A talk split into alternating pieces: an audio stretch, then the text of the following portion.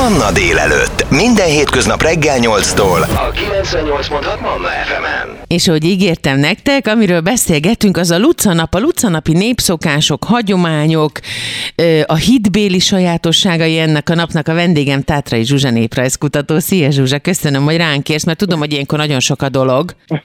Ja, hál' Istennek nagyon sok a dolog.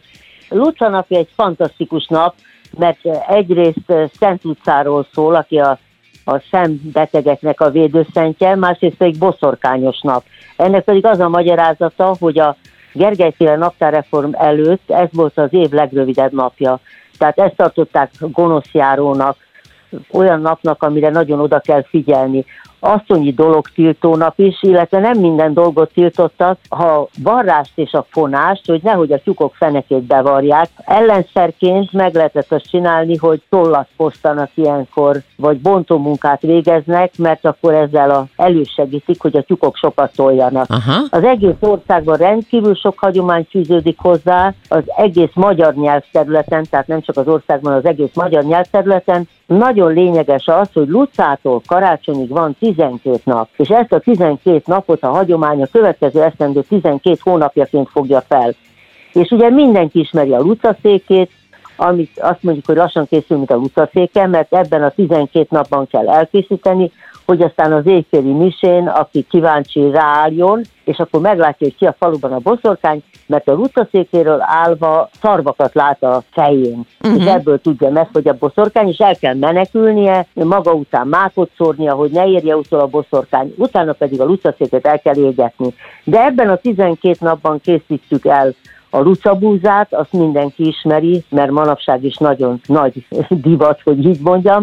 Régen a termésjóslásnak volt az egyik módja, hogy megszámolták hány szem gabonát vetnek be a, a földbe, egy cserébe, és amennyi kinőtt, azt is megszámolták, és abból a bő termésre igyekeztek jósolni. A kíváncsi lányok pedig Lucától karácsonyig gyümölcságat hajtattak, és hogyha karácsonyra az a gyümölcsák kizöldült, akkor azt jelentette, hogy hamarosan férhez fog menni.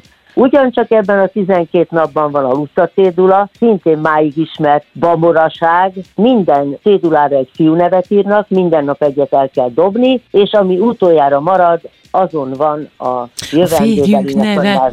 Igen. Ezt még mi is csináltuk gyerekkoromban, igen. Hát azért mondom, hogy ezek egy nagyon sok olyan lucanapi hagyomány van, ami máig él. Na is van a Luca kalendárium, amit még az én nagyanyám is készített, meg nagyon sokan mesélik, hogy meg szokták figyelni, hogy Lucától karácsonyig minden napnak fölírják az időjárását. És ebből következtetnek a következő esztendő időjárására. Tehát, hogyha mondjuk a mai nap ilyen szép, napos, fényes, az azt jelenti, hogy a január az ilyen szép, napos, fényes lesz majd. És száraz. És a február, és száraz. Tehát ilyenkor föl szokták jegyezni, és hát vagy beválik, vagy nem. Ugye két eset lehetséges. Luca napján csak férfi látogató jöhetett, mert az hoz szerencsét. Uh-huh. Ugyanúgy, mint új évkor. Érdekes, hogy ez a férfiak mindig szerencsét hoznak, és hogyha nő jött volna esetleg, akkor azt el is kergették, hogy nem örültek neki, hogyha oda érkezik. Aztán még ma is Észak-Magyarországon, Észak-Kelet-Magyarországon szokás volt, már a határonkon kívül is, hogy fehér ruhába öltözködnek, és ijeszgetik a gyerekeket, meg a lányokat. Hát van, hogy legények, van, hogy menyecskék öltöztek ilyennek, az arcukat tüllel lefedve, és ez megint csak arról van szó, hogy, hogy a hosszú éjszakák és a rövid nappalok miatt ezzel is próbálták elűzni a, a rosszat. Itt, itt nagyon sok olyan hagyomány van, ami a keresztény hagyományjal erőteljesen keveredik, és nagyon nehéz lenne ezeket szétszálazni. Tátrai Zsuzsa néprajzkutató a vendégem itt a Manna délelőttben, hiszen Luca nap van, december 13-a, úgyhogy még erről beszélgetünk a továbbiakban. Ha kérdésetek van, az SMS és Viber számunk 0670 70986.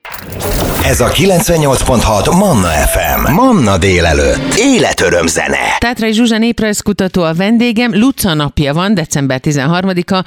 Nagyon érdekes népi hagyományok vannak egészen réges régről, amik keverednek a keresztény hagyományokkal, és hogy Zsuzsa korábban mondta, nehéz volna ezeket szétszálazni, de ami biztos, hogy december 13-ától egy nagyon fontos időszak kezdődik el, még a várakozás időszakán belül is egy hangsúlyos időszak, tehát mintha a súlypontok áthelyezését helyeződnének, és nyilván például az étkezéssel is kapcsolatban is vannak szokások. Mik ezek? Szia Zsuzsa!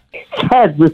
Lucanapkor különösebb étkezési szokások nincsenek, de van az úgynevezett Luca pogácsa, amit azért lehetőség szerint senki se próbáljon meg. Ugyanis az volt a régi hagyomány, hogy ilyenkor a pogácsába egy-egy tollat szúrnak, beteszik a sütőbe, és akinek a toll, a libatól megperzselődik a pogácsáján, annak betegséget, halált jelent a következő esztendőre. De az is szokás, hogy ezekbe a pogácsákba neveket rejtenek, az is szokás, hogy ezeket a, valamelyik fogácsába pénzt tesznek, és akkor meg szerencséje lesz az illetőnek, ugyanis az egész adventi időszak arról szól, amiről a karácsonyi ünnepkör advent első vasárnapjától vízkeresztik, hogy a következő esztendőre bőséget, az emberek számára egészséget varázsoljon, egészséget jelentsen, és végig ebben az időszakban az egészségvarázslás, az embereknek a, a jövendőbeliének a tudakolása is hozzátartozik mindenféleképpen. Hogyha a várakozás időszakát veszük figyelembe, akkor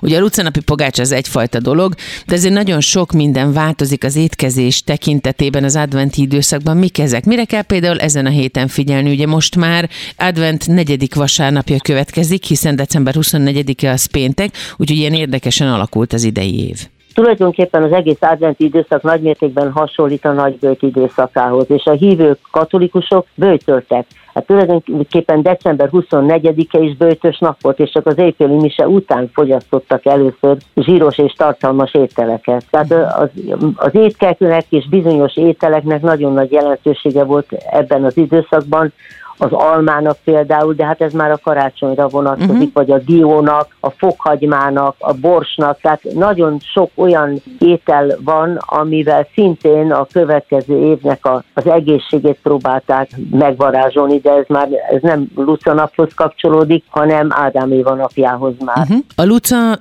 név, mint, mint olyan, az mennyire volt divatos, vagy nem divatos? Mennyire adták, vagy nem adták a gyerekeknek, hiszen most nagyon szeretik, a kislány neveknél nagyon gyakori, de egyébként, hogyha ennyi minden babonaság, illetve keresztény hagyomány is kapcsolódott hozzá, akkor biztos, hogy egy kicsit másképp néztek azokra a kislányokra, akit Lucának hívtak. Nagyon ritkán adták a Luca nevet, mert boszorkányosnak tartották. Ugye ezen a napon fokhagymával bekenték egymás homlokát, illetve az állatok homlokát is, hogy a boszorkány ne tudja őket megrontani. Hm. Úgyhogy miután egy boszorkányos napnak tartották, hiába a Luca név a, valószínűleg a Lux Lucis fényszóból ered, hiszen, ahogy mondtam, ez a legsötétebb nap volt a naptárreform előtt. Az emberek vágyakoztak már a világosságra, és ez a nap innen ered, tehát a fényszóból, és olyan érdekes az, hogy manapság pedig, ahogy mondtad, rendkívül népszerűvé vált ez a név. Ez régen egyáltalán nem volt divatos, sőt, nem adták ezt a nevet a, a kislányoknak, annak ellenére, hogy Luca egy kedvelt szentje volt az egyháznak. Én úgy tudom, hogy a katolikus egyház ma már nem tartja őt történeti személynek. Ennek ellenére Luca a szembetegeknek, a, a vakoknak a védőszentje. Tátrai Zsuzsa néprajzkutató a vendégem itt a Manna délelőttben. Hamarosan folytatjuk a beszélgetést, hiszen december 13-án Luca napján igen sok hagyomány él még a mai napig is, bennünk is, a nagyszüleinkben, amiket érdemes követni, ha csak a játék kedvéért is, de az biztos, hogy az ember gyerekkorában szeretné megtudni a kis lucás cetlikről, hogy ki lesz majd a férje. Innen folytatjuk a Luca napi beszélgetést Tátrai Zsuzsa néprajzkutatóval, tehát hogyha kérdésetek van 0677 Ez a 98.6 Manna FM. Manna délelőtt. Életöröm zene. Tátrai Zsuzsa néprajzkutató a vendégem, Luca nap van, december 13-a, nagyon sok mindent megbeszéltünk már ezzel kapcsolatban, de Zsuzsa általában a néphagyomány az változik-e az idők során? Tehát azért most már beszélhetünk mondjuk a lucanapi hagyományokkal kapcsolatban száz évekről is. Változott-e az idők során, illetve a dolognak, a, pontosabban a kérdésnek a másik része pedig az, hogy, hogy mit látsz, mennyire tartjuk a hagyományokat, megmaradnak-e, fog a következő, vagy a, vagy a most 5-8 éves generáció felnövekedéskor emlékezni erre? Na, a hagyomány nem egy állandó dolog, az állandóan változik és alakul. Hát gondoljatok csak arra, hogy itt van például az adventi koszorú, nem olyan nagyon régi hagyomány, de rendkívüli módon meggyökeresedett, és én mindig nagyon örülök neki, mert ezzel tulajdonképpen az adventi időszakot tudatosította az emberekbe, olyanokba is, akik nem hívő emberek, tudják azt, hogy nem a karácsonyfa alá esünk szenteste, hanem ez egy időszak, ami elvezet bennünket. Ugye a régi világban ez azt jelentette, hogy az emberek testileg, lelkileg felkészültek a karácsonyra, Jézus születésére. És az adventi koszorú segítséget nyújt abban, hogy van az adventnek első, második, harmadik, negyedik vasárnapja. Ugye régen inkább csak arról beszéltünk, hogy aranyvasárnap, meg ezüst vasárnap a vásárlás szempontjából volt fontos, de valahogy családi áhítat is alakult ki az adventi koszorú körül, nagyon sok családban. Többnyire az emberek maguk szeretik elkészíteni. Tehát ennek az időszaknak vannak, annak ellenére, hogy vannak olyan jeles napok bennem, mint amilyen a Mikulás, vagy mint amilyen Luca napja is, mégiscsak van egy emelkedett hangulata is, hogy így fejezem ki magam. A régi hagyományos világban pedig a közösség számára azt jelentette, hogy ilyenkor köszönteni jártak. Ugye még nem beszéltünk arról, hogy Luca napján a Dunántúlon kocsolni jártak a fiúgyerekek, rátördelve szalmára, vagy egy fadarabra, és énekelték, hogy Luca, Luca, kitykodj, toljanak a tiktok, ludgyok. Alapjában véve ezek nagy nagyon fontosak voltak, és elmentek a gazdákhoz, és azt mondták, hogy annyi kolbászuk legyen, mint a falu hozta, tehát nagyon a jó kívánságokkal látták el az embereket, hittek a kimondott szóvarázs erejében. Valódi közösségek voltak régen, és a közö- nem volt internet, nem volt televízió, nem volt rádió, de voltak emberi közösségek, akik fontosnak tartották azt, hogy az ünnepeken a jó hírt elvigyék egymásnak, és emelkedettebbé tegyék az ünnepet mindenféleképpen és közösségivé. Hogyha a mostani időszakot nézzük, akkor szerinted alakul nekem, mert azt mondtad, változnak a hagyományok.